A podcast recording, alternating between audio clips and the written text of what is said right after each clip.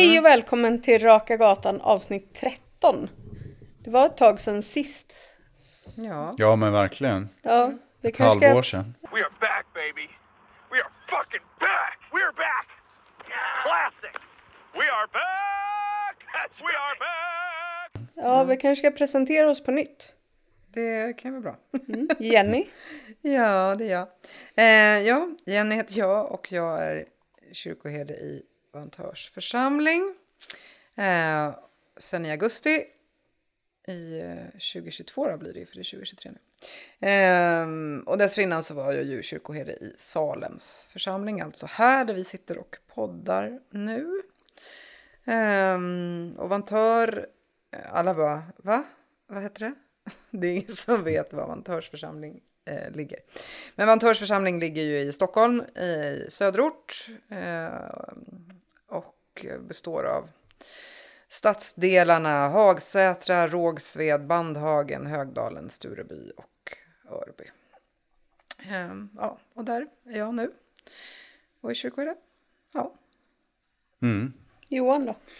Eh, Jag är distriktspräst kan man säga i Nyköpings församling ute på Arnö i Katarina kyrka.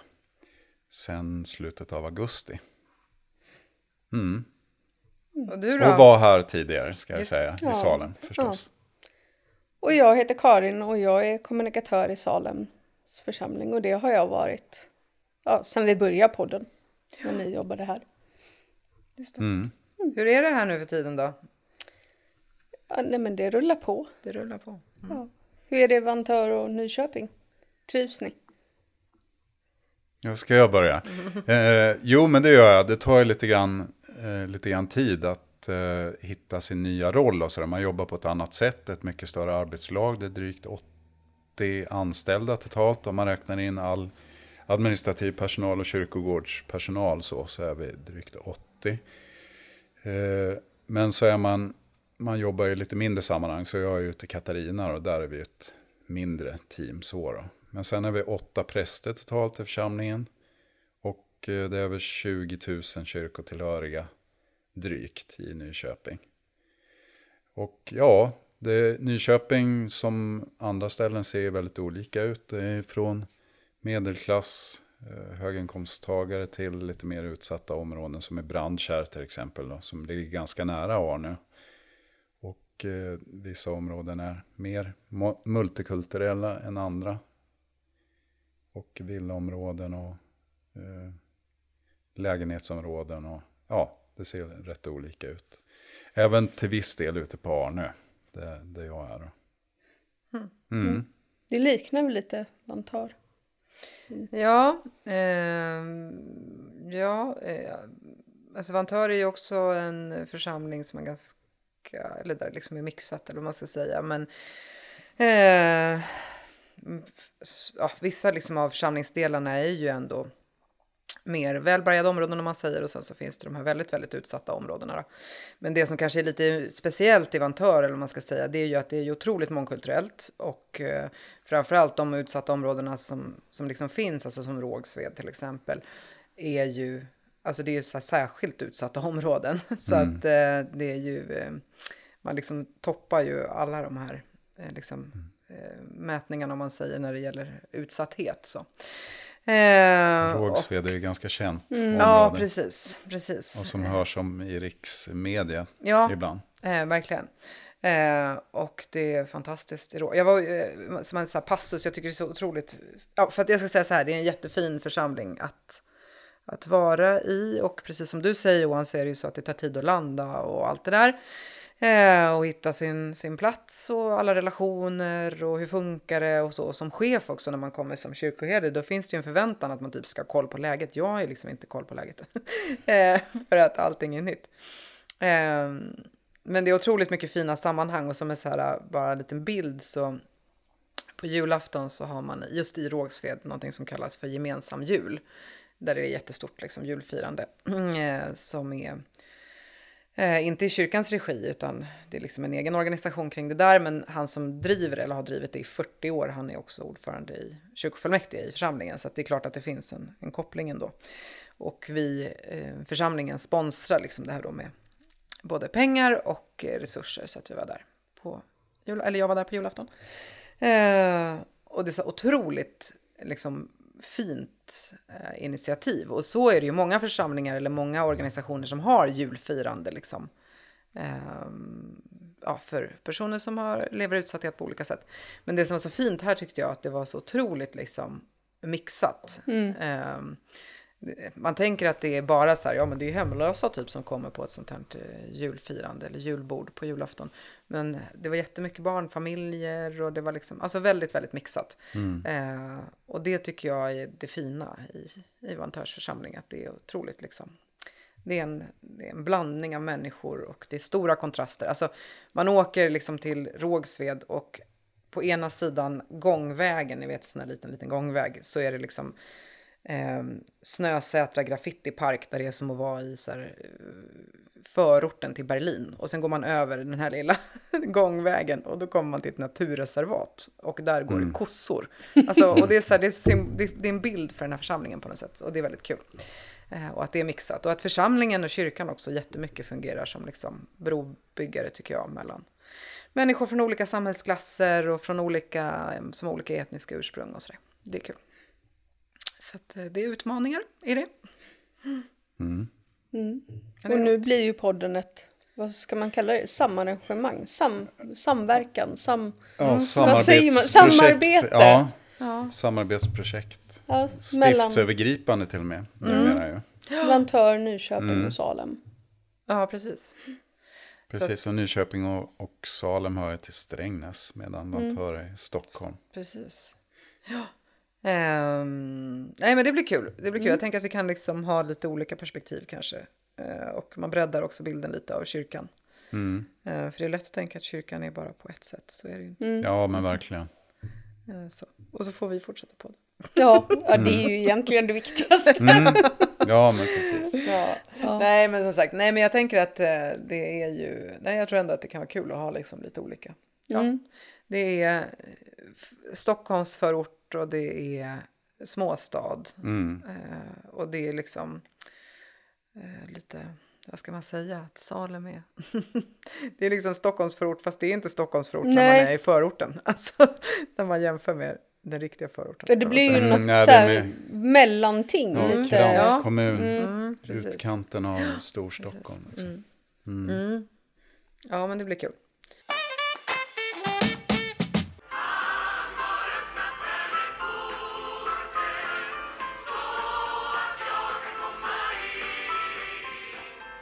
Jag funderar på nya psalmboken. Jaha. Mm. Att det kommer en ny. Ja, men Och att exakt. det verkar väldigt stort i media. Eller liksom att det har varit lite mer, lite uppmärksamhet kring det. Mm, kan vi prata om? Ja, men Ja. vem var det som hade uttalat sig? Jag vet inte, det, alltså för det har ju varit som du säger Karin, det har varit Mm. en del i media. Eh, man har pratat salmer här och där. Och så var det ju någon de hade pratat om att det var ju... Eh, alltså att de pratade om att det inte går att sjunga salmerna för att de går så högt. Ja, Och just så det. intervjuade just det. de ju typ så här Caroline, Caroline av Ugglas eller någon sån där Ja, som, person som hade någon slags idéer om det här och att det hade att göra med patriarkatet. stämde. Nej, Ja. för sen så hade de intervjuat någon kyrkomusiker som sa att det har att göra med alltså, våran längd.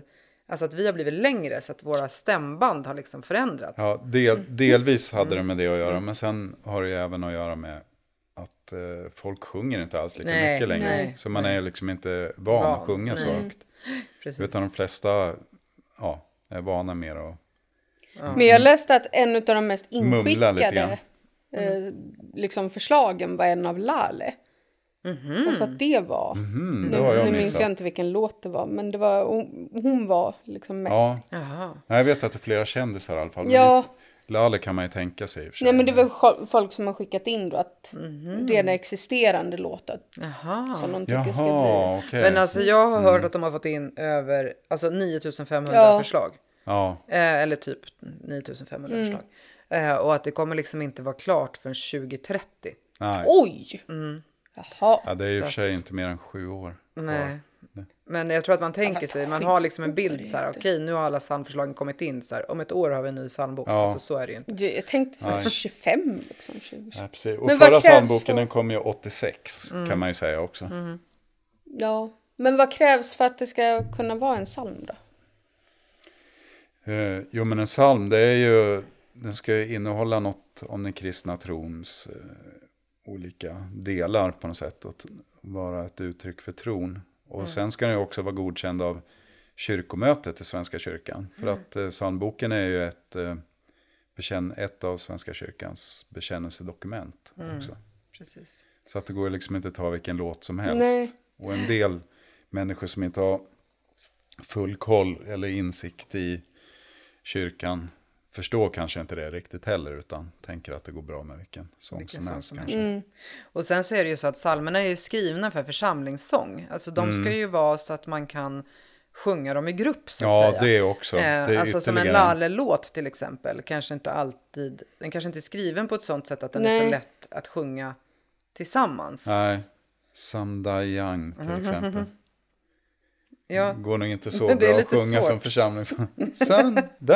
Samdayang. Även om den är, den är fin på många sätt. Ja. ja den är jätte, jättefin. Men, men, ja. Men som församlingssång vet jag inte om den funkar. Tydligen så hade Per Harling sagt eh, till, i Kyrkans Tidning att han, att han hoppades på att det skulle komma många trosinbjudande salmer i nyhets... Vad betyder det ens? Är det bara jag som associerar fel?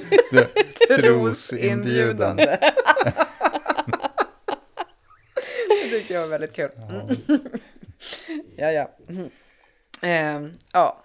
Nej, men eh, precis. De ska uttrycka tro, psalmerna, och eh, man sjunger dem. Och som du säger, de ska också godkännas. Vilken låt som helst är ju inte en psalm. Nej, Nej men vad är det då som liksom om man tar någon existerande låt som inte är en psalm. Ja, vilken låt till exempel skulle kunna funka som en psalm? Vad är det som gör att den här duger men inte den här? Jag tänker alla psalmer är, sjunger de ju inte om Gud och liksom. Vad, är- vad nej, inte, som- nej, inte rakt ut i och för sig. Men Nej. på något sätt. Vissa är ju böner, andra Mm. handlar mer om Gud eller om Bibeln och om kristna. Men jag tänker Eller Hej Björn och bäver. Björn och Bäver till exempel. Precis, som var på gång att bli namn till den här podden. ja. Eh, Men, eh, Men, fast där, det är ju ändå Det- liksom ett kristet språk. Det är jo det, det Jag är en kommer låt- inte det är en ihåg som- annat än- Ja, hej Björn och Bäver, hej. Halleluja, Ja, det kanske- halleluja, ära ske Gud. Ja. Jag kommer bara ihåg Hej Björn och bäver. Hej Björn och Bäver, hej Dromedar. Ja. Fast jag skulle säga att de salmer som inte uttryckligen liksom säger någonting om Gud, det är ju egentligen inte, det är ju typ tillägget då i verb. Alltså, för, för så Ja, här är det ju, vi har ju en psalmbok nu. Mm. Eller psalmer för 2000-talet. Ja, eller psalmer för Orangea 2000-talet. psalmbok. Precis, för vi har ju nu en psalmbok, nästan alla använder ju Verbums liksom, version. eh, och där finns det ju tillägg, de sista hundra psalmerna, som egentligen inte är antagna psalmer. Nej. Men som ändå är allmängods. Många av dem, tänker jag, kommer ju att bli psalmer nu. Eh, och samma sak den som heter psalmer i 2000-talet. Eh, jag har ju en av mina absoluta favoriter i den eh, psalmboken, alltså psalmer i 2000-talet. Nu kommer jag inte ihåg vad det är för eh, nummer på den psalmen, men den heter ju Kärlekens tid. Och där, där nämns ju inte Gud. Nej. Eh, men det är en väldigt, väldigt fin psalm. Eh, så. Men i de här lite äldre, liksom, där, eh, där faktiskt sjunger man ju om Gud eller Jesus eller anden. Eller, ja. så. Ja, om ni får säga någon låt som absolut inte, som ni absolut inte vill ska försvinna, som måste vara kvar. Liksom. Er. I, I den nuvarande Ja, psalmboken. som ni vill Ja, precis. För, för det ska man ju säga också, att med den nya psalmboken så kommer de ju också att det kommer ju också ryka en del psalmer, så är det ju. Men då, för jag tänker på förrättningen så måste man ju ha minst två psalmer. Mm. Hur är det då när den här nya har antagits? Måste man då välja en psalm från den nya eller kan jag komma med 1986 och säga att jag vill ha en psalm från den? Även om den har tagits bort menar du? Ja, jag tänker sen ja, men 2030 eller nu när vi fått Ja. den nya Och så vill psalmboken. man ha en från den nya och en från den gamla Ja. 86an som har tagits bort. Ja, är den liksom... Ja, nej, men då, Är det förbrukat eller kan då jag... får man väl inte riktigt enligt Svenska kyrkans ordning. Nej. Nej, okej. Nej. Eh, det tror jag inte. Men sen så är det ju så att som präst kan man ju alltid göra avsteg av pastorala skäl. Mm. så att det finns alltid en sneakväg. Jo, men precis. Eh, om det finns särskilda omständigheter. Men det känns ju liksom lite larvigt om de skulle ta bort typ härlig i jorden.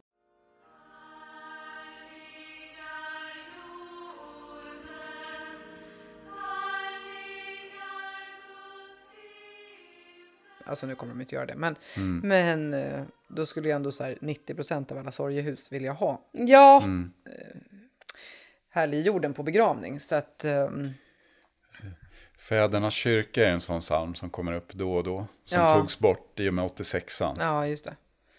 men och som sen så finns- fortfarande önskas Ja. då och då. Och sen finns det lite såna här kyrksånger liksom som folk vill ha ibland. Mm. Ehm, som inte är psalmer men som folk tror är psalmer. Mm, Som O helga natt till exempel Ja, nu. precis. I och med jul. O helga natt, o helga stund för världen Som vi är inne i Ja, precis. sluttampen av eller vad man ska Mm. säga. Så tänker man att det är en psalm men det är det inte. Nej. Men, Eh, nej, eh, som om man vi- absolut inte får ta bort. Alltså jag skulle säga så här för egen del. Det är klart att det finns psalmer som jag själv tycker om. Ehm, så, men jag tänker att där är ju församlingsborna prioriterade på något sätt. Så att, eh, skulle man liksom ta bort några av de här absolut mest... För idag är det ju så här. När man träffar ett, en familj och man ska ha då en, en kyrklig handling, ett dop eller en vigsel eller en begravning. Eh, så ska man prata om psalmerna. Då är det ju faktiskt så att vi har ju den här psalmboken med 800 psalmer i eh, som man kan välja på.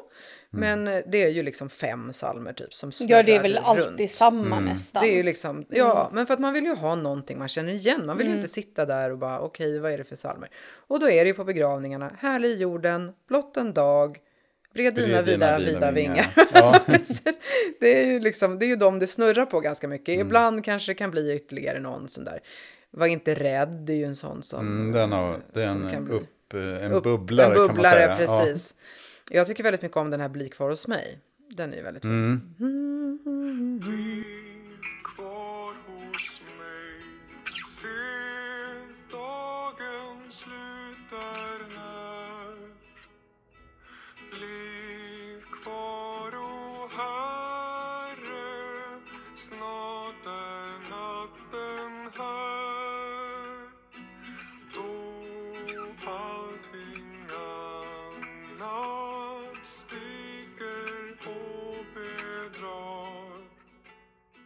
Den hade jag skrivit upp som en av mina favoriter. Ja, vad skulle ni ha på er? På er begravning. Eller på, ja, det- eller på vigsel Ja, eller så. Men ja, det är en att- sån psalm som jag skulle vilja ha med på min Ja, egen begravning. Vilken då? Det blir kvar hos mig. Vad är det, 230? Eh, Den har, eh, nu ska vi se. Ja, Jenny kan ju berätta om Jag sin jag, är det busspsalm. 189 tror jag? Nej, Ja, 189. Nej, ja, det är det kanske. 189 är det kanske. jag tror att det är blandar ihop 189. dem. Mm, Jag är inte helt säker. just det. Ja, men Jennys bussalmsbingo eller vad man nu kan kalla det. Nej, men det här är inte bara bussar. Det här är, jag tänker ju psalmer jätte, jätteofta. Alltså om jag, eh, om jag, men till exempel bussnumren då. De kommer jag ihåg eh, utifrån psalmer ofta. Eh, här ute i, alltså utanför här i Salem centrum så går ju bland annat eh, 725 va? Som är typ ehm, Endast av nåd tror jag. Da, da, da. Äh, kanske jag blandar ihop den. Så det, nu kanske jag ljög. Men alltså det är Mm, någon det är här- av 700 psalmerna Ja, där den har i alla 700 fall. psalmer i alla Ja. Men utanför mig då så går till exempel där jag bor så går 113. Och det är ju där en ros ursprungen. Eh, och då tycker jag att det är väldigt kul att tänka på vilka psalmnummer det är. Eh, och jag hade ju Mm. Och till... det är, det är åt det hållet också kan jag tänka mig. Många tänker att de här julsalmerna, att det inte är salmer, men det är ja, det. det är det. Det är en rosutsprungen till exempel. då. Precis. Det är en typisk sån. Ehm, och eh, här hade jag ju en tanke när jag var kyrkoherde här att vi skulle göra någon slags grej på bussarna så här med körerna, typ att man skulle åka på bussarna och sjunga Mm, ja, de sångerna som var jättekul ju. Men det är, jobbigt, det är jobbigt om man bor någonstans där det går 600 nummer och så är det så här 619 eh, buss 619. För den salmen eh, heter ju Jag går mot döden vart jag går. Det hade varit lite jobbigt att sjunga den i, i morgonrusningen. Ja. Men eh, de sista verserna är fina på den. Mm. Ja, den det är en fin jag, går med Jesus var jag går. Ja, ja. Eh, men jag gör ju samma sak med eh, regnummer. Kollar jag också. Det brukar jag sitta med barnen. Så ska jag säga Men då, då, siffrorna då? Siffrorna liksom- ja. ja. Då ska jag säga vad det är för salmer. Men barnen tycker att jag är så dålig på det. Att jag kan ju inte så många ändå. Eh, men Ja, just eh, det. ja, vi har ju lite bilar som står här utanför. Men jag kunde ingen av dem som jag ser just nu. Eh, samma sak om jag får ett hotellrum. Eh, om jag bor på hotell, då tänker jag alltid vad man bor på för nummer också. Men vilken psalm det blir. Ja, precis. Sist så tror jag att jag bodde i rum 606 och det är ju Det gungar så fint. Den kommer på Då- dop då och då. Ja, och då kändes det ju så tryggt. Om det kommer en dålig psalm då? Eller Ja, liksom en så här döden. Ja men typ jag går mot döden. Nej, det hade, hade jag fått 619 då, då hade, nej, då hade det Du bara, kunnat... jag vill byta hotellrum, det här går inte. Precis, ursäkta kan jag få byta rum? Mm. Ja, nej, men jag tänker jätte, jätteofta, jag associerar ofta siffror i psalmer, jätteofta. Mm. Eh, Det är ju jag, en liten, en liten sån här idé jag har. Ja, men precis. Eh, Men finns det någon låtar som ni önskar ska bli psalm? Någon ni tycker? Ja, som inte är psalm idag. Ja, någon som, som många kanske önskar vid dop eller begravning eller så. Som ni tänker att den skulle vara passande och kunna vara en psalm på riktigt. Kunna räknas som.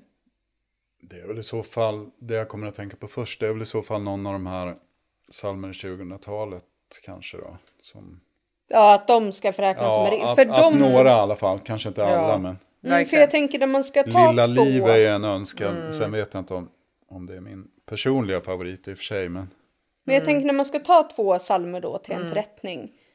Då måste det alltså vara från psalmboken innan tillägget. Eller får man ta från tillägget Man och den får- orangea? Och... Den här frågan kom upp ganska nyligen. Ja. Eh, Och eh, då frågade jag flera kollegor hur man kan göra. För då var det bara en som var från 86an och en var från 900. Och då blev jag osäker så här, hur får Alltså man psalmer egentligen göra så? 2000-talet. Ja. Eh, ja, precis. Psalmer för 2000-talet eller 2000-talet. Orangea psalmboken också kallad. Orangea Eh. faran. Orangea faran också, ja, precis. Nej, men då läste jag precis i, då står det någonting i eh, inledningen där att de här är an, ändå antagna av någon slags eh, kommitté för Svenska kyrkan. Och f- för att användas i Svenska kyrkans gudstjänster och sådär. Ja, okej, så, Så då, då tolkar det som att, jo men det måste man ändå ja, att de som- är godkända Ja, då. att de är godkända ändå. Just det. Nej, och det är väl ganska vanligt. Annars skulle ju liksom 90% av alla dop skulle, då skulle ju, alltså alla vill ju ha, du vet väl om att du är. Ja. Den ligger ju. Ja, och det är Ja. väl en 700. Och där så kan jag tänka också så här, för att, 791. Ja, 791, precis. Och där kan jag ju tänka att liksom en fråga i det här arbetet, ja det är så här, vilka... Inte det nattbussen? Nej, förlåt. Ja, 791. ja, jag Precis. tänkte att det, Ja, det det kan- var jo, nattbussen det kan det nog från vara. stan. Ut. Ja, men jag, Ja, jag, förlåt, jag, jag tipsar här alla innerstadförsamlingar om det här också. För jag tänkte, där finns det ju så här trean och fyran och sånt. Och det är ju jättepampiga psalmer. Tänk om de skulle göra någonting. Typ. Mm, riktiga lovsånger. Ja, men och att det liksom skulle vara såna här proffs. Alltså som när de kör på, de kör ju den här vet du det, julsångs grejen på Centralen ju. Musikerna från Mm, ja. Domkyrkoförsamlingen. Ehm, och som är jätte, jättestort och jättepoppis. Ehm, tänk om de skulle göra något med körer på liksom, bussarna i samband med. Det hade varit jättekul. Det är ett tips. om jag hade varit kyrkoherde i innerstan. Så. Nu har vi väldigt svåra eh, bussar i Vantör. De är ju på 600. Och det är inte så mycket psalmer där. Alltså det som man kan säga är ju så här att det finns ju otroligt mycket psalmer i psalmboken som vi aldrig, aldrig, aldrig sjunger. Många gånger med väldigt fina texter och så, men man kan dem inte. För jag menar, så blir det ju för oss också. Vi spinner ju också ganska Ja. mycket på samma. Eh, och ska man titta på typ nattvardssalmer till exempel. För att det man kan säga är ju så här att i en gudstjänst, om vi ska liksom eh, förklara lite hur det funkar, så är det ju så att när man planerar en gudstjänst så väljer man också salmer. Och salmerna ska ju vara kopplade till liksom det söndagen handlar om. Alltså varje söndag har ju ett tema och så ska salmerna vara kopplade till det temat. Eh, till exempel nu Och nattvarden ska det vara en Ja. Ja, nattvardsrelaterad precis. psalm. Ja, och då, ja, på, och då är det så att, ja men precis, och då är det precis så att, och då är det dels, nu på söndag till exempel så är temat eh, livets källa och då ska det liksom vara psalmer som kopplas till det. Då kanske man sjunger upp i vilda Mm. djupa vatten till exempel. Och så här. Men sen, Livets källa i en Ja, dop den kan man också sjunga. vittnar om att Gud är... 386. Ja, 386 är den. Ja, Ja, men, i alla fall. men sen är det också så att sen är liksom varje psalm i gudstjänsten har också en särskild funktion och plats. Så att den första psalmen, den ska ju på något sätt, det är ju en inledningspsalm, den ska ju liksom någonstans sätta stämningen för gudstjänsten ju. Och är det lite ja, så är det. festligt sådär, då vill man ju ha en festlig psalm. Eh, den andra psalmen är en så kallad gradualpsalm och den binder ihop textläsningarna som man har i Bibeln. Mm. Så att den ska ju vara någon slags brygga där. ja, plus att den har ännu lite högre krav på sig att knyta an till temat i och med Mm. Ja. att den är precis intill Ja, texten. och inför texterna, precis. Ja. Och sen så har man ju då kanske en psalm efter nattvarden, och då, eller vad säger jag, efter predikan. Och då ska ju den kanske sammanfatta på något sätt det man har sagt. Mm. Om man nu, den psalmen kan utgå, men om man har den. Sen ska man ju som Johan säger ha en offertoriepsalm, en nattvardssalm, och den ska prata om nattvarden på något sätt. Och sen så har man ju på slutet en lovsalm eh, som liksom ska vara lite tjoho, nu går Mm. Ja, vi ut i världen, skjuts i lite den. skjuts i Mm. liksom. Så att En sändningspsalm. Ja, precis. Så att liksom någonstans så är det ju också så att alla psalmer man väljer, alltså man blir ju lite låst där också. Man kan inte välja liksom riktigt vad som helst. Det finns inte så många psalmer som är lovsalmer som passar ha på slutet. Nej, Utan då blir det liksom lite att man rullar på samma. mm. vi är också. ett folk på vandring. Och, Ja, lite så. Gud från ditt hus, 288. Eh, så. Eh, så att, ja. Det är väldigt många psalmer i psalmboken som vi inte använder. Faktiskt. Ja, absolut. Visst är det så. Men det jag skulle säga är att det finns liksom en del i hela, för jag tror att det kommer väcka ganska mycket reaktioner. Nu är det så här, nu börjar, börjar det snackas för att eh, det har varit den här inlämningsdeadlinen ju för nya psalmer. Och då har det varit lite media och sådär. Sen kommer det vara tyst nu. Sen kommer det ju bli jättestort när den nya psalmboken väl kommer. Och då tror jag att som med allting som kyrkan gör så tror jag Så att kommer det gnällas. Det kommer att gnällas. Ja, Och oh ja, arga, oh ja. Varför har man tagit bort det här? Varför man ändrat? Nu är det nya nummer och hur ska jag hitta? Bla, bla, bla. Ja, ja som att fel. du har, alltså, hallå, för oss är det skillnad. Men Mm. det är ju inte så att liksom majoriteten av församlingsborna eh, kan varenda psalmnummer. Nej. Så är det ju inte. Dessutom så finns det en konverteringstabell Mm. i psalmboken. Ja. Eh, men, eh, men det kommer ju att gnälla såklart och folk kommer bli upprörda och så. Eh, och ska kyrkan förändras? Och det är väl egentligen grundfrågan. Ja, för det läste jag, för att det hade ju kommenterats, Dagen hade väl eh, lagt upp någonting. Okej. Eh, eller lagt upp en artikel på sin Facebook-sida som länkades. Eh, och där var det ju flera så här, varför ska en ny, duger inte den gamla, det kostar onödiga pengar och som att det gnälldes där. Ja, Okej, över- att det var onödigt att byta Ja, och ta fram en ny och så är det andra Mm. då, men människor ändrar sig och vi behöver liksom nya och så. Så att det, det är ju delade åsikter redan nu och då Mm. kommer det väl sen. När det har antagits vissa salmer och varför kommer inte Mm. den här med och varför, Precis. varför men så ens är det här, alltid. den är ju bara dålig. Och... Och hur många, det vet Även- inte jag heller, av 9500 salmer, alltså hur många tänker de ska åka Ja, ut? blir det och 800? hur många ska in liksom? Ja, Det undrar man ju. Ja, men jag tänker, kommer det vara en psalmbok med typ 800 nu också? Eller hur- många? Den kan ju inte vara hur tjock som, Nej, helst. precis. Det är väl 8, kanske 900 max, Mm. tänker jag, som kan komma med. Och då tänker jag ändå att då kommer Verbums tillägg och psalmer för Mm. 2000-talet, de kommer väl ha lite förtur, gissar jag. Ja. Ja, Som då liksom blir det ju redan inte är allmänt jättemånga ved- som Nej, kan. men det blir ju inte det. Det Nej. blir inte alls många som kommer komma in. Liksom. Nej. Nej, Eh, Eller det beror ju på hur många en de del tar kommer åka ut säkert, ja. Mm. Men Men så många, alltså jag vet inte hur många man vågar heller kasta ut. Nej, Och jag tänker att ska man också göra sånt, jag har ingen aning om hur arbetet kommer och hur det går till faktiskt. Men jag tänker att ska man välja bort så måste det liksom, du måste sätta upp vissa kriterier som gör att du väljer bort dem. Ehm, som kanske har att göra med att de är, alltså, melodin är på ett sätt så att den inte går att sjunga. Eh, det kanske är ett kriterium. Ett annat kriterium kanske är att ja, men den har liksom, det finns ett eh, så föråldrat språk att man inte längre förstår det. Eller det finns en teologi som vi inte längre står för. Ehm, eller kanske någonting om att helt obrukas. Liksom. Mm. Jag tänker att man måste ha vissa kriterier. De kan ju inte sitta Jo. i en kommitté och bara välja bort lite på sitt eget tycke. Liksom. Nej, precis. Ja, du Ja, vet väl dess- om att du är värdefull? Bara nej, den. Nej, men precis, Så det tycker vi. Precis. Nej, precis. Nej, men sen de 325 första är ekumeniska också, så det måste man ju också Ja, ta. Mm. hänsyn till. Om det inte är så att, eh, det vet jag faktiskt inte om de tar med det i, i arbetet nu. Det borde de ju rimligtvis göra tycker jag. Att eh, de andra samfunden samtidigt eventuellt byter ut Mm. till samma, och så att det i fortsättningen också är Ja, 325 precis. första. Ja. Men hur många om man- finns det om man i den orangea? Eh, kan det vara typ 100? Ja, något sånt kanske. sånt. Ja. Bara?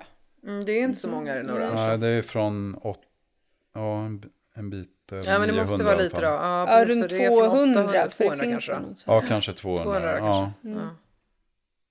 För det är ju lite 900, precis, och Ja. 800. Mm. Mm. Börjar det på 899 eller vad är det? Nej, Nej, det börjar på Nej, 800. 800 är det. Ja. Ja, och går en bit över 900 i alla fall. Mm. 930, 940. Ja, för jag tänkte då är 800 i vanliga boken och sen blir de salmerna och sen så alla Mm. Och, man, förslag. och det skulle jag säga, jag skulle faktiskt bli, det skulle jag nog bli ganska ledsen av vissa liksom eh, av de här som finns i till, Verbums tillägg om de försvann. Som också är väldigt starkt, för att många av dem, de, innan de hamnade liksom i det här tillägget, för att tillägget kom ju senare, när kom det? Ja, Verbums tillägg kom ju, det var ju runt millennieskiftet någon gång. Om det var 2000 precis eller om det var 2001, 02. Där någon gång, runt millennieskiftet i alla fall. Just det. Eh, för att många av de eh, psalmerna som är med där, eh, de är ju såna här liksom kyrksånger som man hade i så här häften när man var ungdom. Så att när man var på konfaläger och var konfaledare och var på ungdomsträffar och så här, så var ju liksom de där låtarna med i olika såna här häften man hade då, eller pärmar med olika sånger och sådär. Och man har sjungit dem jätte- jättemycket, alltså de här TC-sångerna Mm, ja, och sådana där grejer. Ehm, och, det vore, och nu har det varit så praktiskt att man har dem i psalmboken ju. Mm. Ehm, Ja, nästan alla TC-sånger. är Ja, det. precis. Alla de vanliga i alla Ja. fall. och det skulle nog göra mig väldigt ledsen tror jag om de försvann. Du är en bön och de där. Ingmar Johansson, ja. Du kan ju tänka dig vad alla konfirmander håller på med på alla läger. Ja, jo. ja. Det finns ju alla möjliga, du vet väl om att du är värdelös och sådär. Ja, precis. Hur är det nu vi bär så många med oss? Vad är det för psalm? 399? Nej. Ja, en av offertoriepsalmerna ja. Alltså, Ja, jag måste bara säga det här. Det har jag inte tänkt på förut. Oj! det har jag inte sagt eller tänkt på förut. Men sen så blev jag uppmärksammad på detta eh, i texten. Här. eh, Det här när de gör lite nödrim då. I, i psalmboken. Vi tänker på de många som känner andras dom på de som vi har svikit och inte brytt oss om. Alltså, så här ska det då egentligen vara. Vi tänker på de många som känner andras dom, alltså Ja. istället för dom. på de som vi har svikit och inte brytt oss om. Ja, just det. Just det. Ja, det finns en del riktiga nödrim i psalmboken. Nu blir det folkbildning. Kyrkordet. Vet du vad epifania betyder? Jag tror att det är ett munstycke till eh, en orgel. Epifani. Va? Ingen aning. Epifania betyder väl epilog, eh, någonting med epilog att göra. Och epilog har med eh, film att göra eller prolog, epilog. Oj. Det var en svår fråga. Trettonde dag enligt Google. Ja, Epifania det är ju trettondag jul som vi precis har firat. Och själva ordet Epifania betyder egentligen uppenbarelse och det handlar om att eh, Gud blev människa när Jesus föddes här på jorden. Och det är det vi firar under julen. Och trettondag jul firar vi ju hur de tre vise männen följde stjärnan och hyllade Jesus som var Gud som människa.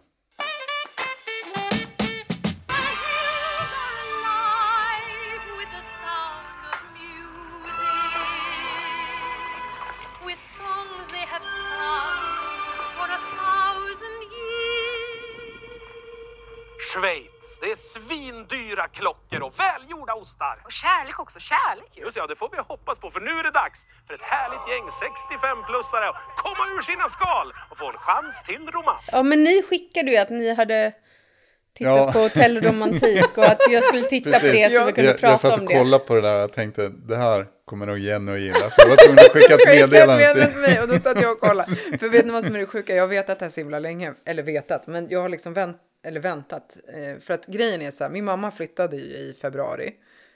Var det februari? Januari, ja men typ ett år sedan flyttade hon. Och den här kvinnan som hon köpte en lägenhet av. Hon skickade för flera månader sedan så här, bara typ en trailer till min mamma. På det här Hotell Romantik, för hon är med där i. Ja. Mm. Så att vi har liksom gått och pratat om det här, kollat på den här trailern. Min mamma hade ställt klockan när det skulle vara och så var hon hemma hos mig och käkade middag och sen så bara satt vi där helt laddade så här. Och det var så himla himla kul och sen skrev Johan så bara, vad hotellromantik. Och alltså jag skrattade så jag grät. Ja, det var jätteroligt. Ja, ska vi prata om vad det är kanske? Ja, vi måste Ja, säga vad det är. ja, vi får förklara. Ja. Ja, vad... Det är ett eh, 65 plus datingprogram får man väl säga, eller? Ja, precis. Det är en, eh, en dokusåpa kan man väl säga nästan. Alltså det är ju 14 kvinnor och 14 män. Alla är då över 65 år. Och de är... Man har kört dem till ett hotell eh, i Schweiz, tror jag. Mm. Eh, det vara. Och eh, där ska de liksom hitta kärleken typ. Och det är lite... Jag har ju aldrig sett Paradise Hotel. Nej, men Nej, visst är det... Alltså, för det känns då och då när de pratar. Ja. Ja, för då och då när, man, när de pratar så känner man så här, men det här är ändå pensionärer eller äldre. Men i nästa stund så känns det ju som ett gäng tonåringar. Ja, ja, men verkligen. Jag vet. Men sen är ju upplägget lite, som sagt, jag har inte sett Paradise Hotel så jag kan inte riktigt det upplägget. Men, men upplägget är ju också att de ska ju så här varje dag utse, som jag har fattat det, liksom kvällens eller dagens par. Och det paret Ja. ska ju få göra någonting särskilt, gå på någon särskild dejt eller någonting. Ja. Och i det här första avsnittet fick ju det paret bo i en egen stuga typ. Alltså den ångesten, om jag hade varit, alltså så fruktansvärt. De hade ju Ja. precis träffat. Man har träffat någon ett par timmar så bara varsågoda, bo här i det här lilla huset. Svinkallt verkar det vara också. På andra, det var si- s- på andra sidan en sjö Ja, så men fick alltså, de gud, cykla i en svanbåt vägen det var samma när de skulle så här massera Ja, jag varandra. vet. Vilken mardröm. Ja, där Alltså- på, ute på altanen Ja, för det där beror, Ja. beror ju helt på vem det är och hur. Och liksom, nej, för att det var någon som började massera öronen. Då hade jag hade ju fått panik. hade Ja, börjat skrika rätt liksom. Bara, låt moment. Ja. Ja, för axlarna är väl okej, men börja pilla i Ja, och öronen och hålla på med håret Ja, och liksom. nej men verkligen, verkligen, verkligen. Händerna hade jag kunnat köpt. Handmassage, det hade varit okej Ja. för mig. Men, Precis, då får man nästan lite sådär flashback till gammalt Robinson-avsnitt. Det var Mm. väl eh, Robinson-Martin va, som Mhm. blev masserad. Jaha, Ja. jag kommer ihåg. väldigt an- intima Ja. delar. Va? Ja. Jo, den börjar ju Han dra i hans kön. För att, ja, det var liksom någon traditionell massage där. Så. Jaha, då skulle man ju- de skulle Ja, göra då, så. där. då Aha, jag gjorde man så liksom. Men han var inte alls beredd på det. Jag tror det var Martin. Ja, jo men det Ja, var Martin. Som råkade ut för den. Det var bland de första säsongerna av Robinson Ja, också. det. Jättekonstigt. Kanske den allra första till och med. Ja, jag. Ja, nej men det här med massagen. Och bara fötterna. Jag hade ju råkat sparka någon. Sparka Men, till men det är dejten. precis som du säger, alltså det är därför det är så himla kul. Jag skrattade så mycket för att, för att eh, det är som du säger Karin, de är ju ena sekunden så är de ju liksom, ja men det är ju äldre människor, många Ja. är ju runt 70 liksom. Eller Ja, kanske för de 70 flesta är väl runt 70. Och Eh. 75, 76 en del. Och sen är de ändå så otroligt liksom tonårsaktiga. Ja, för det är Ja, ju men- det, jo, det där. Mm. pirret och liksom den, hur de beter sig i vissa stunder så är det verkligen som ett tonårsgäng Ja. eller liksom som Precis. sitter och... Och jag tror också att det är lite som att det känns som att typ, alltså, produktionen har blivit typ lite chockade. Så här, för de behöver ju inte göra någonting. Produktionen behöver inte göra något. Alltså de sköter ju allt själva, de här Ja. gamlingarna. De behöver ju bara filma dem. De behöver ju liksom inte... De behöver ju inte kasta Nej, in behöver bränsle inte- på den nej, här båten. det brinner in liksom hur mycket som helst liksom. ändå. Nej. Men Jag exakt. undrar hur mycket de måste liksom, om man jämför med Paradise Hotel. ja. Ja, liksom jämförelse. Hur mycket pushar de på i Paradise Hotel och hur mycket behöver de göra En grej här? tänker jag med det där det är att eh, i alla fall den manliga delen där att de som är över 65 och 70 till och med och över liksom, där de har väl liksom inte riktigt fostrats in i det här jämlikhetstänket Nej.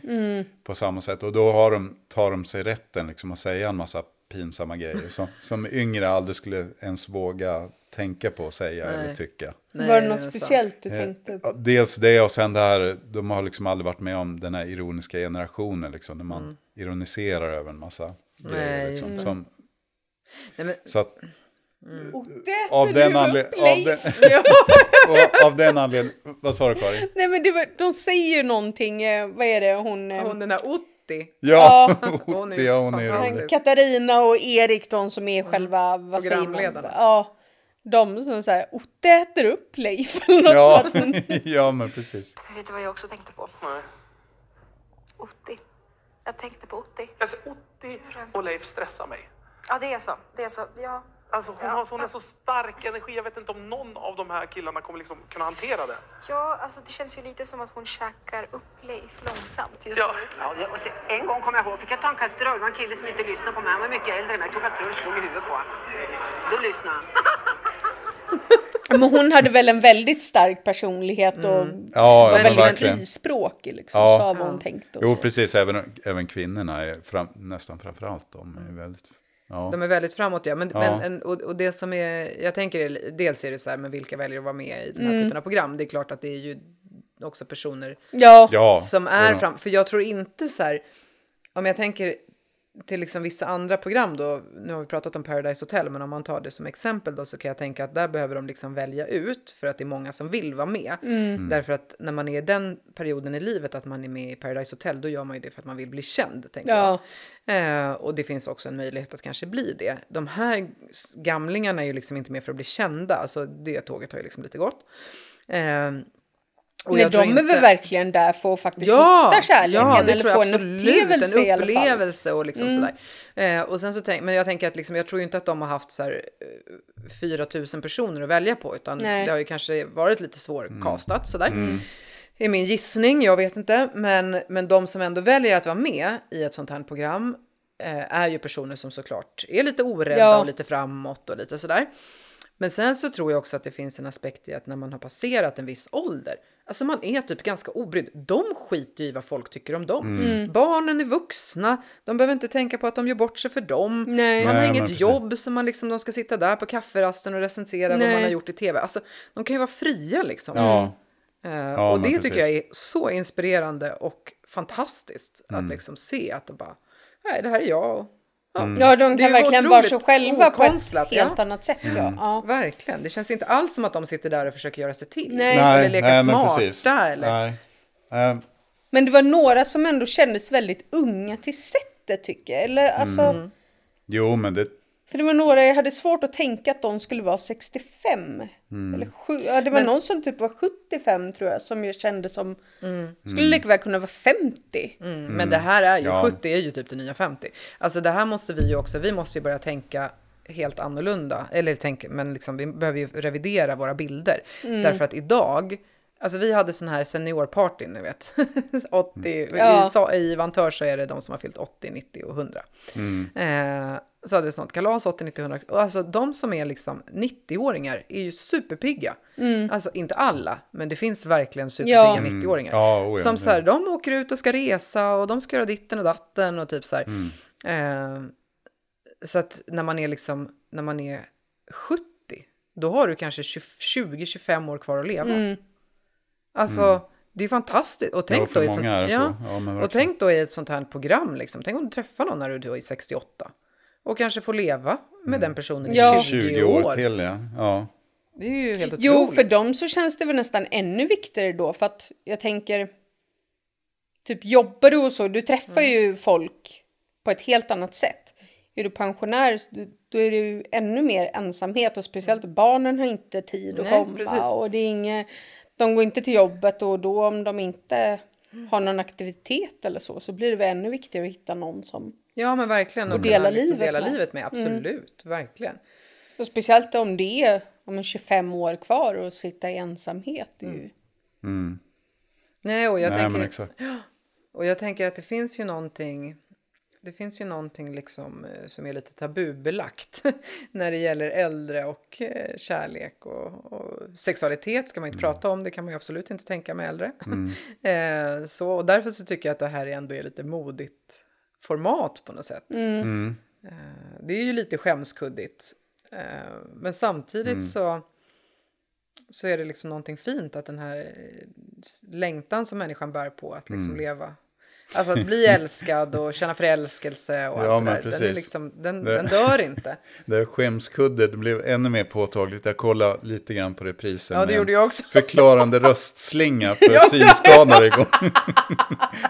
Då blev det extra påtagligt. Han eller hon säger det och sen får man höra repliken liksom. Och den säger det och de dansar tätt tillsammans. Och, så. och den tittar på. Den. Men det tänkte jag också på, för då var det ju så här i- på det här första avsnittet då så var det ju, de sågs eh, och där var det också så kul för de var ju så olika. Då skulle ju männen välja en blomma som Mm. de skulle ge till kvinnan. Eh, det är väldigt Mm. könsstereotyp, det får man ju ändå Ja. säga. Mm, jo, men det- Ja, och det var ju männen som skulle massera kvinnorna. Ja, och... ja, det är väldigt Jo, det är så. väldigt Mm. könsstereotypt. Ja, det är och det det, är det jag tänker med det här också. Att det funkar ju kanske på ett sätt då när det är lite äldre. Att de är Ja, 65 precis. plus. Att de Ja. liksom aldrig har fostrats in i det här Nej. jämlikhetstänket på samma sätt som Nej. yngre har. Nej. Fast jag tyckte, tänkte ni på det? I det här första avsnittet, nu spoilar vi allt här, men i det här första avsnittet så var det ju det här paret som blev liksom dagens par. Och de fick åka då till den här stugan och där fick de vara och sådär och så när de sitter och äter och sånt där.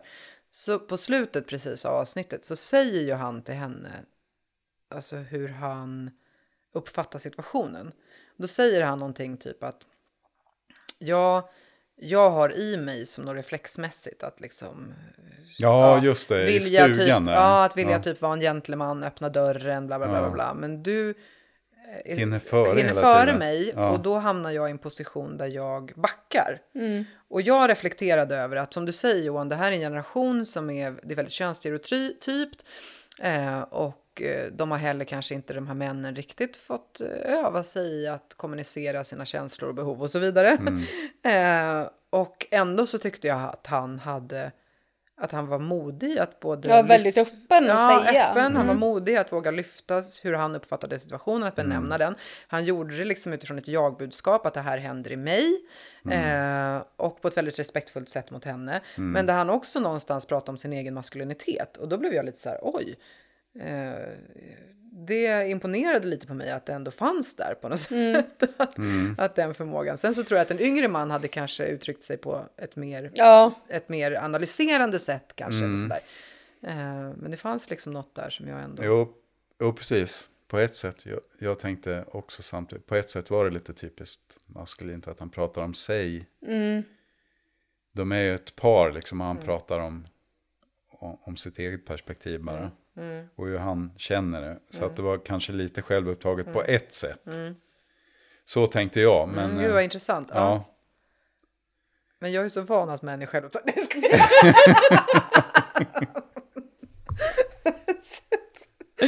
Det är min vardag. Ja, nej, det var min första tanke. Men, men Ja, ja, det är intressant. att du tänkte så. Att Ja. du uppfattade det på det sättet. Ja. Ja, men för att jag tänker att den där generationen inte riktigt har språket. Nej, sätt. men så är det ju. Mm. Så är det. Ja, men det var spännande.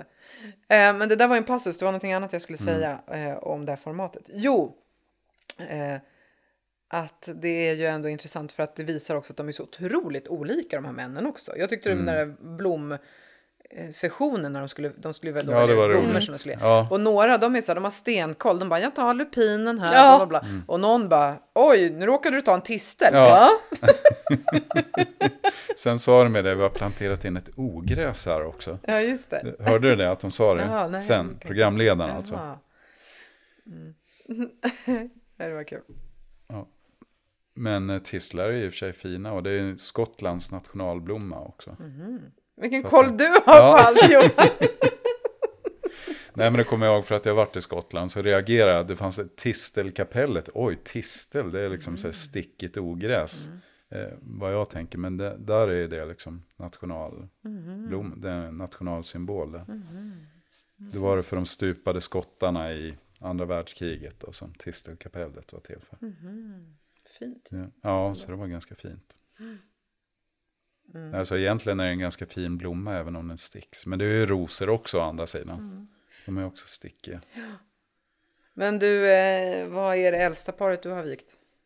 Har du vikt några gamlingar? Ja, eh, ett, men det är nog bara ett par tror jag som har varit, som jag kan komma på just nu. Eh, de var ju över,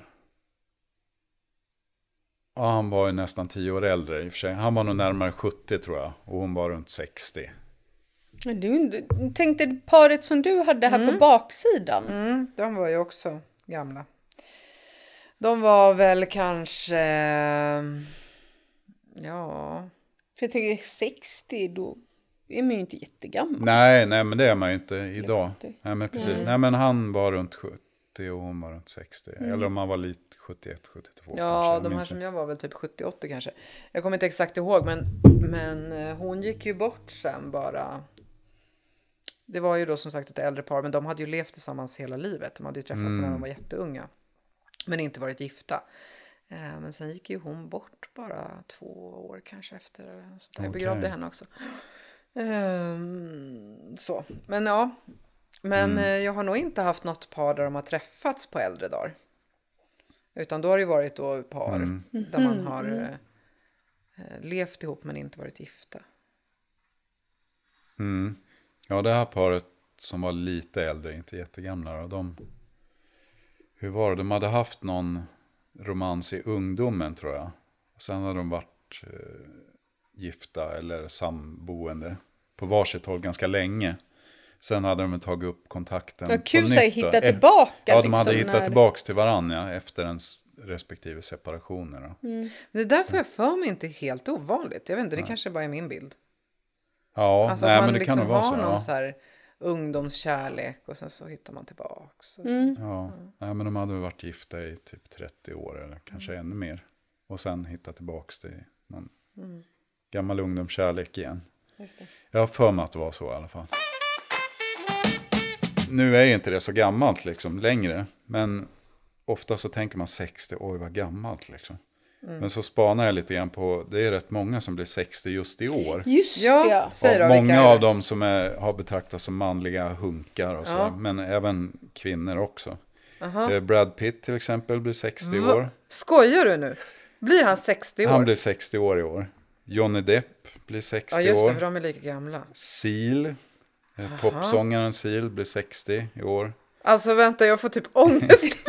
Men det är flera som... För sen- att jag har ju tänkt att de är De är lite typ- äldre än jag. Men Ja. typ så här fem, Fem max år. tio år. Ja, så har jag också tänkt. Precis, men sen även eh, här i Sverige så finns ju, ett, ja, som många har tyckt varit en sån där manlig hunk. Då. Mikael Persbrandt blir 60 år, han också. Jens Hultén är ännu en, om ni vet vem det är. Ja. Han har varit med i många, eh, vad heter han? Johan, eh, Eh, Johan Falk-filmerna. Johan Falk-filmer. Ja. Mm. Många, Han jag tror är- även inom Beck. Han spelar ju ofta sån här hårding, Ja. Ja, ja, kriminell hårding. precis. Men Han är väl är lite- inläsare också. Jag tror att Ja, han han läser kanske in några inläsare. böcker. Ja, just det. Men han har varit skådespelare ganska länge Mm. tror jag. Han blir också 60 år. Oj. Sen är Lisa Kudrow från Vänner, Mm. Friends, blir också 60 år. Och Elisabeth Shue som var med, har ni koll på vem det är? Nej. Det, hon eh, var ju med, det är kanske för att jag är lite äldre än er.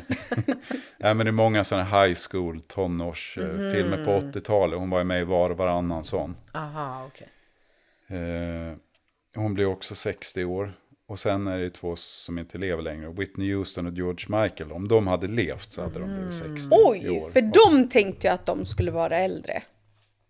Det är bara för att de är döda. Ja, det ja, det är kanske att de är är döda. det. Ja, de är också Mm. födda 63 då. Så att de blir, skulle ha blivit 60 år om de hade levt. Jaha, nu var jag tvungen att kolla på hon Elisabeth Shue. Nu vet jag Min mamma är. fyller 60 år. Och sen även Phoebe Cates som var min eh, lite sådär tonårs-crush. Som var med i, i eh, Gremlins bland annat.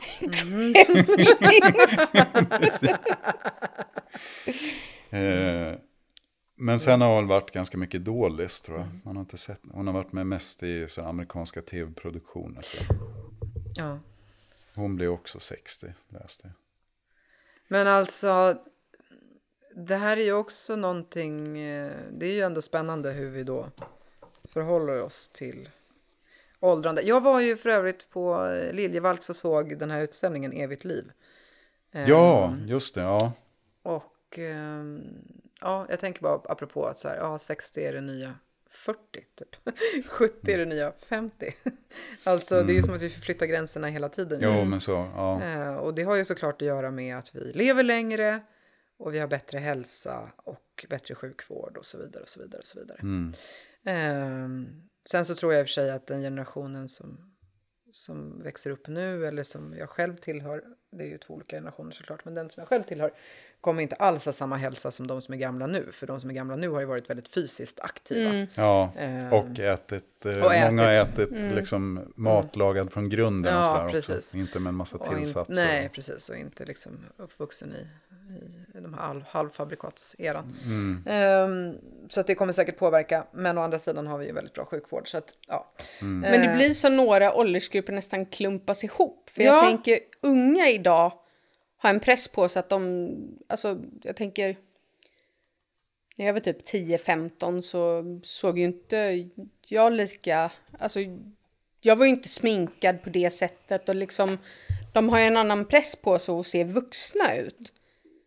Precis på samma sätt som, som man själv och så ska man själv se yngre ut så det blir liksom som en Men vad, klump ja, människor som, som liksom blir att alla strävar mot ett och samma ideal. Ja, och att, de, att det blir liksom en större klump som Mm. ser ungefär lika gamla ut. För de Som ska se den där- äldre ut och Ja, vi ska som se hon yngre den där också i Hotell Romantik där hon hade skrivit att hon på Tinder att hon var 71 och någon hade frågat om hon var född 71. alltså, Men nu hon såg ju hon väldigt väldigt ung ut. Hon såg Ja. ung ut, men hon såg inte ut som en 71 Det var, Nej, det var nej, ganska sliten. inte, alltså. Men, ja. Men, eh, men det kanske var någon som bara ville vara, ge en komplimang. Men, Ja. eh, men, men du har ju verkligen rätt där Karin, att det är ju som att man liksom strävar mot en och samma fåra. Mm. Och vad är då den ultimata åldern då? Hur ska man se ut? Alltså vad är, för en kvinna nu tar, vi. Vad är liksom den perfekta åldern för en kvinna? Oj. Som alla vill se ut som.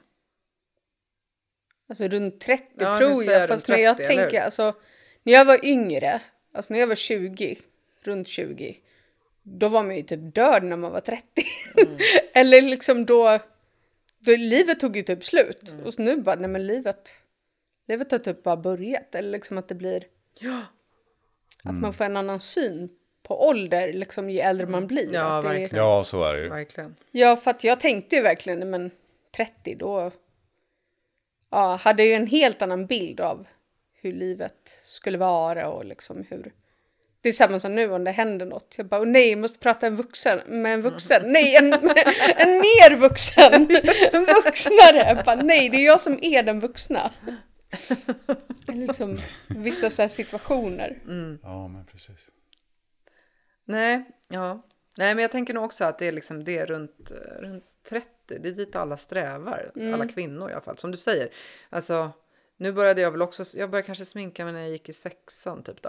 Eh, Men inte sådär liksom. Mm. Nej, att det var ju så- inte, alltså, Alltså, det det var var lite inte- mascara. Nej, och om jag, att jämför jag liksom med min någon- Mm. systerdotter som är 10 så är hon väldigt mycket mer liksom för de kvinnliga attributen. Ja men jag än tänker typ jag var idag jag var att 10, då alltså. kör ju alla de så här kontor och allting och det hade ju jag nog. Jag hade väl lite mascara och puder liksom. Att det, Mm. Ja, precis. Exakt. Mm. Nej, och det är väldigt, liksom, väldigt mycket kvinnligt, alltså kläder och allting. ja och framhäva, ja. Verkligen. På ett helt annat sätt. Mm. Där tycker jag nog kanske inte gr- grabbarna är lika.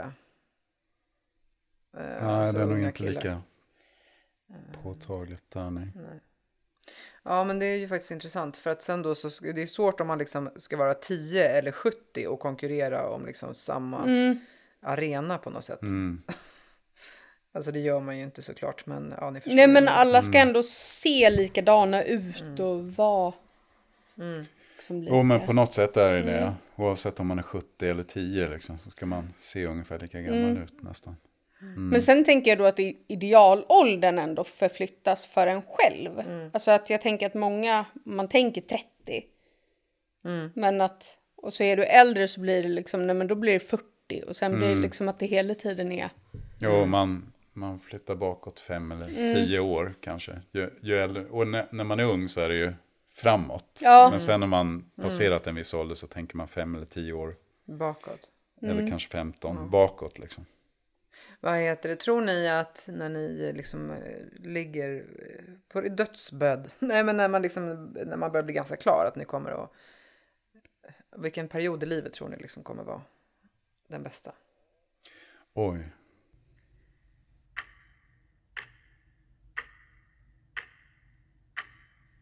Känns Ja. ganska bra nu.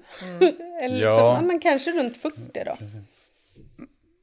Precis, Nej, för något år sedan så satt jag vid en eh, dödsbädd och då frågade eh, den gamla mannen där hur gammal jag var. Då sa jag att jag var ungefär 50 då. Så bara, åh 50, ja det var en härlig ålder. För att jag hade Tyckte nämligen, han. ja, för att jag hade nämligen den, jag hade det samtalet med en person nyligen eh, om hur man liksom, ja, när man ser tillbaks på, ett, på sitt liv och, eh, hur man liksom skulle se då vilken period skulle vara den bästa och sådär. Och den jag pratade med tyckte så här, nej men vadå, det kommer man inte kunna avgöra. Men min erfarenhet är precis det du säger Johan, att när man träffar människor som är i slutet av sitt liv, eh, typ när man sitter där på ett vak eller när man sitter med någon som man vet att den här personen kommer inte leva så många år till eller så många månader till. Så har nästan alla, när de blickar tillbaka, kan säga, eller ett, ett sorgehus också när man pratar om den avlidna, liksom, så kan de säga men det där var hennes bästa tid i livet. Mm. Ehm, Ja, så att någonstans precis. så tror jag ändå att det är så att, att liksom man har perioder. Ja, men som du säger, jag har Mm. runt 50, det var en härlig tid. Jag kan ju tänka att jag, och det har väl att göra med hur man idealiserar olika delar av sitt liv också, men jag tror att jag kommer nog alltid tycka att liksom studenttiden kommer vara en av de bästa tiderna i mitt liv. Man var vuxen fast ändå ansvarslös. Tilläts vara det.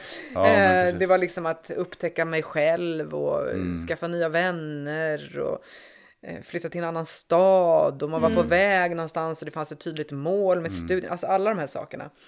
Eh, så det tror jag absolut kommer vara en sån period i mitt liv som, som kommer vara bland de bästa. Sen så lever jag ju i någon slags illusion kanske eller förhoppning eller tanke om att tiden när barnen liksom är förhållandevis självständiga, att det kommer att vara en period. Efter, att det följer en, och så länge man får vara frisk så tänker jag att, att det kan vara en period som jag tror kan vara ganska härlig, hoppas jag. Ja. Men se, när du tänker så med skolan och liksom så, då tänker jag, var det den viktigaste eller bara den som gjorde mest, alltså påverkade mest? För att du gjorde mest beslut och liksom att den hade störst påverkan på Ja, absolut. framtida livet. För det är ju intressant. Det är ju en väldigt intressant analys faktiskt, eller spaning som du kommer med Karin. Är det så att när man blickar tillbaka på sitt liv är det då den bästa tiden, den tiden som också har haft störst impact? Ja, för när liksom? tog man de viktiga Ja, besluten? för så är det ju absolut. Den tiden, alltså de åren i mitt liv när jag bodde i Uppsala och pluggade. Det är klart, de har ju definierat liksom hela resten av mitt liv. Alltså både i att jag pluggade och blev präst såklart. Eh, nu var ju liksom beslutet och kallelsen och allt det där innan det. Men, men såklart att den perioden har ju liksom haft en påverkan på hela mitt liv. Sen är det ju också så att många av dem som är mina närmsta vänner idag är personer jag lärde känna Ja. då. Eh, Så självklart så, så har ju den perioden haft otroligt stor inverkan på resten av mitt liv. Så är det ju. Mm. Ja. Precis, precis. Och vi vet inte med och den här samtidigt mannen. tänker jag, ja. Eh, ja, sen vid närmare eftertanke så kom jag på att det var inte vid en dödsbädd, men jag tror att jag satt vid vak vid samma person sen. Och det här var innan. Mm. Eh, jag tror att det var så, när jag tänker efter. Ja, det är ju Men ja, precis. Strunt samma. Ja, Jag ja. tycker liksom att när människor har nått en viss ålder så tycker jag ändå att de uttrycker sig på Ja. så vis. Det där var det Oh, bästa men tiden vissa, vissa tider, tillbaka. ja Mm. precis. Precis. Oh, men verkligen, så är det. Men då Eh, skulle jag nog, alltså att det skulle vara så här 20, 30, 40, liksom så här bra. Nu hände det något. Mm, det var inget. Nu, vi kör på. Ja, Ja, men liksom att 20 var, liksom att det, det här- finns så nedslag liksom att så här, men 20 hade en stor påverkan för att, Jo, det har, det har olika charm Ja. liksom. Det som, Som- är i yngre år, det är att då känns ju hela livet, då har man liksom, eh, då känns ju livet oändligt. Då har man allt framför sig liksom. Mm. Ja. Så då spelar det inte så stor roll om man råkar klanta till. Nej, det här kan jag ju rätta till. ja att man kan se, ja, Jag har liksom hela livet framför mig. Mm. Och livet kändes evigt liksom. Men sen är det ju någon gång, ja runt 30 eller 40 40 där som det vänder liksom. Och man förstår att oj, nej, nu kan jag liksom inte. Eller kanske redan med 25. Någon gång mellan 25 och 40 liksom, så Ja. vänder det. Att nej, nu måste jag ju. Ja, men för mig, jag flyttade ju till Stockholm när jag var 21, tror jag. Ja, Så att, och det hade ju en ganska stor liksom, ja, men, påverkan eller liksom så. För att, ja, det kan jag tänka mig. eh, 30 vet jag inte, men jag tänker att det ändå finns vissa nedslag som man Mm. liksom är det händelser som kan ha påverkat som ändå gör att det blir att den åldern eller att den Mm. någonting. Ja, och sen eh, är det ju härliga tider i livet som kan komma liksom i alla åldrar. Som kan göra att man sen, om man får bli riktigt gammal, liksom, blicka tillbaka och se att Mm. den tiden var en riktigt härlig tid. Liksom. Mm. Fast man kanske inte ens förstod Ja, det som då. man inte ser då, Nej, utan man, det kommer Man förstår sen. inte då. Ja. Ja. utan det kommer sen liksom, när man ser ett ur ett längre perspektiv Mm. och blickar bakåt. Liksom, att oj, de åren, det var riktigt fint. Ja, det kan vara rätt intressant om man då, för just när man står i det, att säga, nej men det här är en skitperiod, eller liksom att nu är det rätt tufft, men sen efter Ja, så ser man, Så att det var en, ja, det var att en det ändå, dynamisk, en ganska bra Ja. period i ens liv i alla fall. och sen minns man väl ofta positiva grejer. Ja, det är också, Kanske, så ja. att det blir, men att man då, att när man är mitt i det så känns det dåligt, men sen Mm. efter så blir det liksom, nej, för att det hade ganska stor påverkan och ledde till Mm. någonting bra Ja, men exakt. i slutändan. Liksom. Eh, men vad kul det var hörni och ses och podda igen. Ja, men verkligen. Ja, det var ju ett tag Jättekul. sedan. Det var Ja. jätteroligt faktiskt.